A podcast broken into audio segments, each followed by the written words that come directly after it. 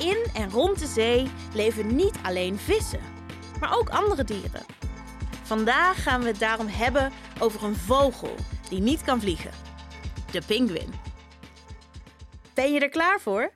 We beginnen bovenaan met tandenpoetsen. 3, 2, 1. Spetteren maar. Het is een beetje gek. Een vogel die niet kan vliegen. Toch bestaan ze, bijvoorbeeld de pinguïn.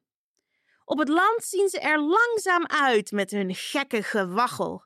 Maar in het water zijn ze supersnel.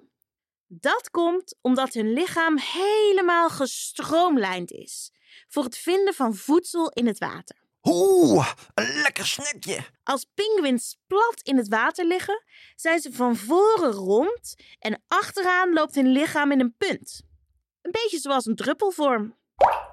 Zo kan het water makkelijk van ze afglijden als ze zwemmen.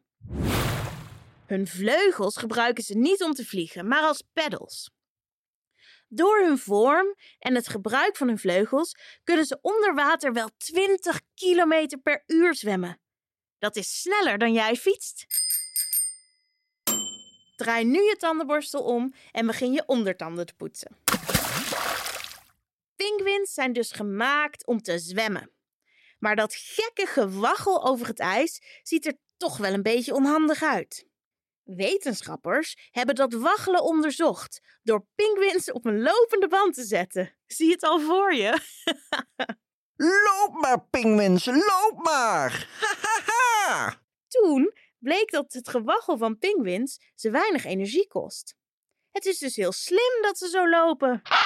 Iets anders wat heel slim is, is dat ze in grote groepen leven. Door samen op een ijsplaat te staan, houden ze elkaar lekker warm. Wist je trouwens dat pinguïns door satellieten in de ruimte gezien kunnen worden? Niet los, maar wel als groep. Dat komt omdat hun poep het ijs doet verkleuren.